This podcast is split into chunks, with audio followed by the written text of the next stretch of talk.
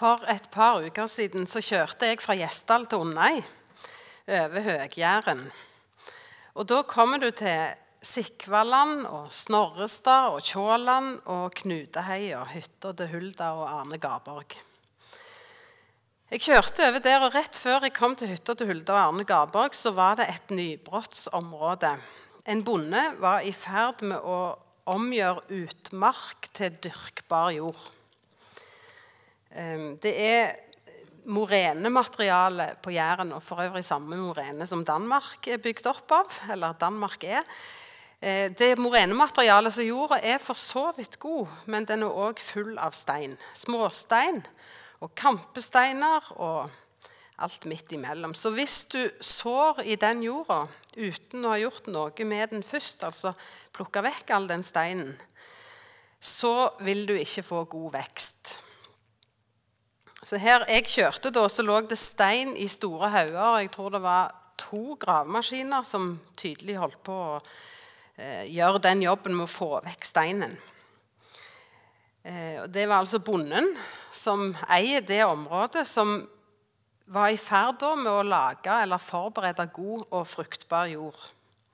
Og når hun eller han skal så, da, en, kanskje litt seinere i vår så vil såkornet ikke falle på steingrunn, men i god jord.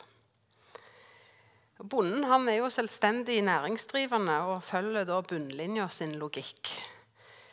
Eh, han eller hun vil ha best mulig effekt av såkornet. Og derfor både forberede og forbedre vedkommende jorda før det blir sådd. Og Det er fordi han eller hun er i en posisjon hvor det faktisk er mulig å vurdere kvaliteten på jorda på forhånd. Og er den for dårlig, så gjør en noe med det. Jeg heter Ingeborg Mongstad Kvammen og er direktør for avdeling for fagstøtte her ved VID. Og jeg har jobba i Bibelselskapet i mange år. Og nå på førstkommende søndag så er det sårmannssøndag. Den kommer fast to søndager før fastelavnssøndag. Og på sårmannssøndag er det veldig mange menigheter som feirer bibeldagen. Det gir mulighet til å fokusere på bibelbruk i Norge, samtidig som vi støtter det internasjonale bibelarbeidet. I år er det et særlig fokus på Kina. Eh, jeg har aldri hatt tekstgjennomgang, verken på podkast eller her på Hvit før, så jeg er litt usikker på om jeg holder sjangeren, men det får bare stå til. Teksten vi skal lese på søndag, er henta fra Lukas evangeliet i kapittel 8. Mye folk strømmet nå til fra byene omkring. Da en stor mengde hadde samlet seg om ham, fortalte han en lignelse. En såmann gikk ut for å så kornet sitt. Og da han sådde, falt noe ved veien. Det ble tråkket ned, og fuglene under himmelen kom og spiste det opp. Noe falt på steingrunn, og det visnet straks det kom opp, fordi det ikke fikk hvete. Noe falt blant tornebusker, og tornebuskene vokste opp sammen med det og kvalte det. Men noe falt i god jord og det vokste opp og bar frukt hele hundre ganger det som ble sådd. Da han hadde sagt dette, ropte han ut, 'Den som har ører å høre med, hør.' Disiplene spurte han hva denne lignelsen betydde. Han svarte, 'Dere er det gitt å kjenne Guds rikes hemmeligheter, men de andre får de i lignelser, for at de skal se, men ikke se, og høre, men ikke forstå.' Dette er meningen med lignelsen. Såkornet er Guds ord. De ved veien er de som hører det, men så kommer djevelen og tar ordet bort fra hjertet deres for at de ikke skal tro og bli frelst. De på steingrunn er de som tar imot ordet med glede når de hører det, men de har ingen rot. De tror bare en tid, og når de blir satt på prøve, faller de fra. Det som falt blant tornebusker, er de som nok hører ordet, men som på veien gjennom livet kveles av bekymringer, rikdom og nytelser, så de ikke bærer fullmoden frukt. Men det i den gode jorden, det er de som hører ordet og tar vare på det i et fint og godt hjerte, så de er utholdende og bærer frukt. Når det er Guds ord som er såkornet, er bunnlinjelogikken litt annerledes enn for bonden på Jæren, og for så vidt også annerledes enn for bønder på Jesu tid. Den jorda vi sår i, er jo ikke jord, men mennesker. Og mennesker er forskjellige, og en kan aldri helt vite om de er klar for å ta imot Guds ord eller ikke. Før en sår, eller før en forteller om Jesus, kan en egentlig aldri helt vite hvordan budskapet blir mottatt. Lignelsen om såmannen er todelt. Først forteller Jesus lignelsen, deretter forklarer han den til disiplene. Og den forklaringen innleder Jesus litt gåtefullt. Han sier dere er det gitt å kjenne Guds rikes hemmeligheter, men de andre får det i lignelser for at de skal se, men ikke se, og høre, men ikke forstå. Jeg vil trekke fram tre poeng fra denne lignelsen. For det første den gåtefulle innledningen til forklaringen. Her siterer Jesus Jesaja 6,9 etter Septuaginta. Det er selve kallelsesberetningen til profeten Jesaja. Og det han sier her, altså det Jesus sier her, er kanskje gåtefullt, men det viktigste, tror jeg, er at han her ganske direkte knytter disiplenes tjeneste til profettradisjonen i Det gamle testamentet, eller i det gamle Israel. Det andre poenget, og som jeg nok ville brukt mest tid på i preika, det er at en skal være sjenerøs når en sår Guds ord. Det er ikke opp til oss å vurdere om jordsmonnet er godt eller ikke. Vi skal, fortelle, vi skal fortelle om Jesus uansett. Guds rike har en egen kraft som vi skal la virke, og da må vi så Guds ord sjenerøst. Konteksten for Lukas 8 er Jesu virke i Galilea. Og Hvis vi ser på parallelltekstene i Matteus 13 og Markus 4, Eh, så er konteksten der Jesus som forklarer Guds rike ved hjelp av lignelser. Felles for disse forklaringene om Guds rike er at Guds rike er noe som spirer, noe som vokser og gror, blir større. Det er en vekstprosess som ikke helt skjønner hvorfor eller hvordan skjer, men den har en enorm iboende kraft. Og Såkornet i vår lignelse, eller såkornet for Guds rike, det er Guds ord.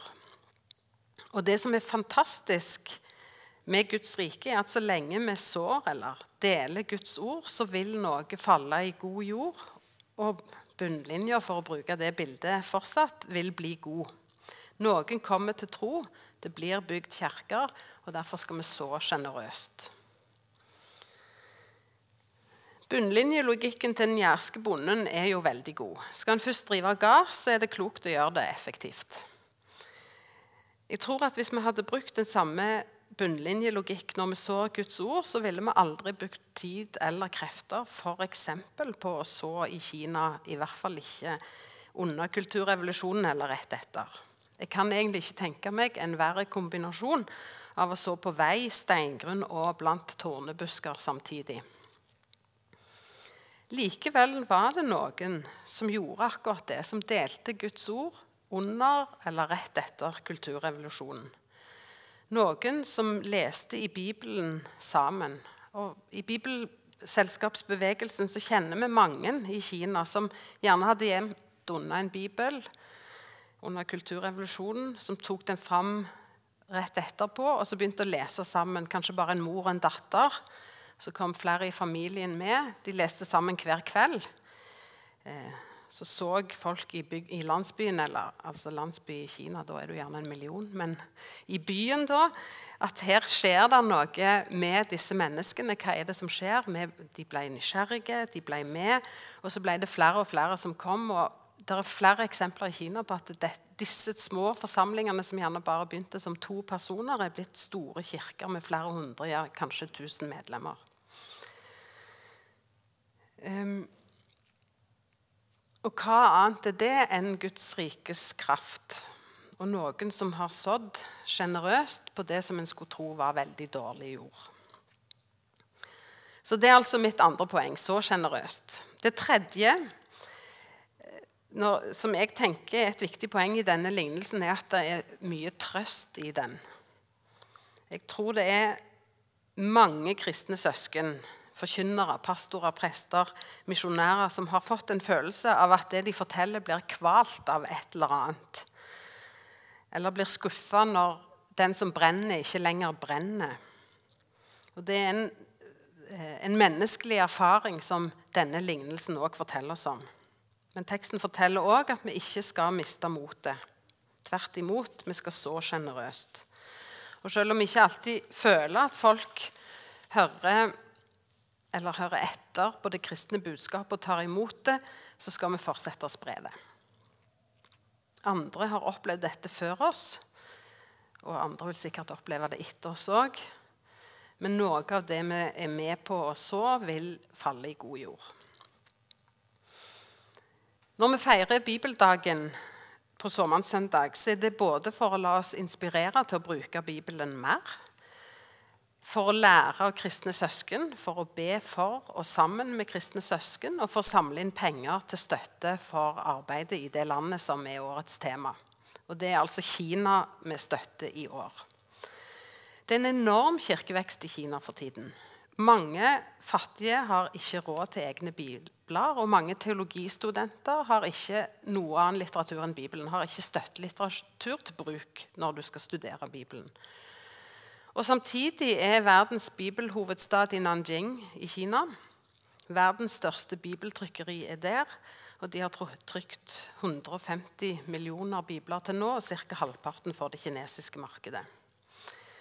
Jeg vil oppfordre både dere som er her på Vid i Stavanger, og dere som hører på podkast, til å feire bibeldagen i år og støtte bibelarbeidet i Kina.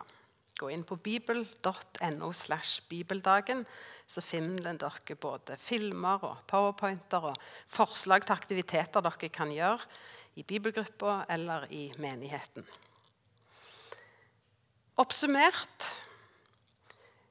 fire poeng. Jesus knytter disiplene sin tjeneste til profettradisjonen.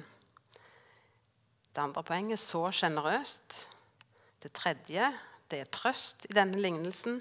Og det fjerde er en oppfordring til å feire bibeldagen.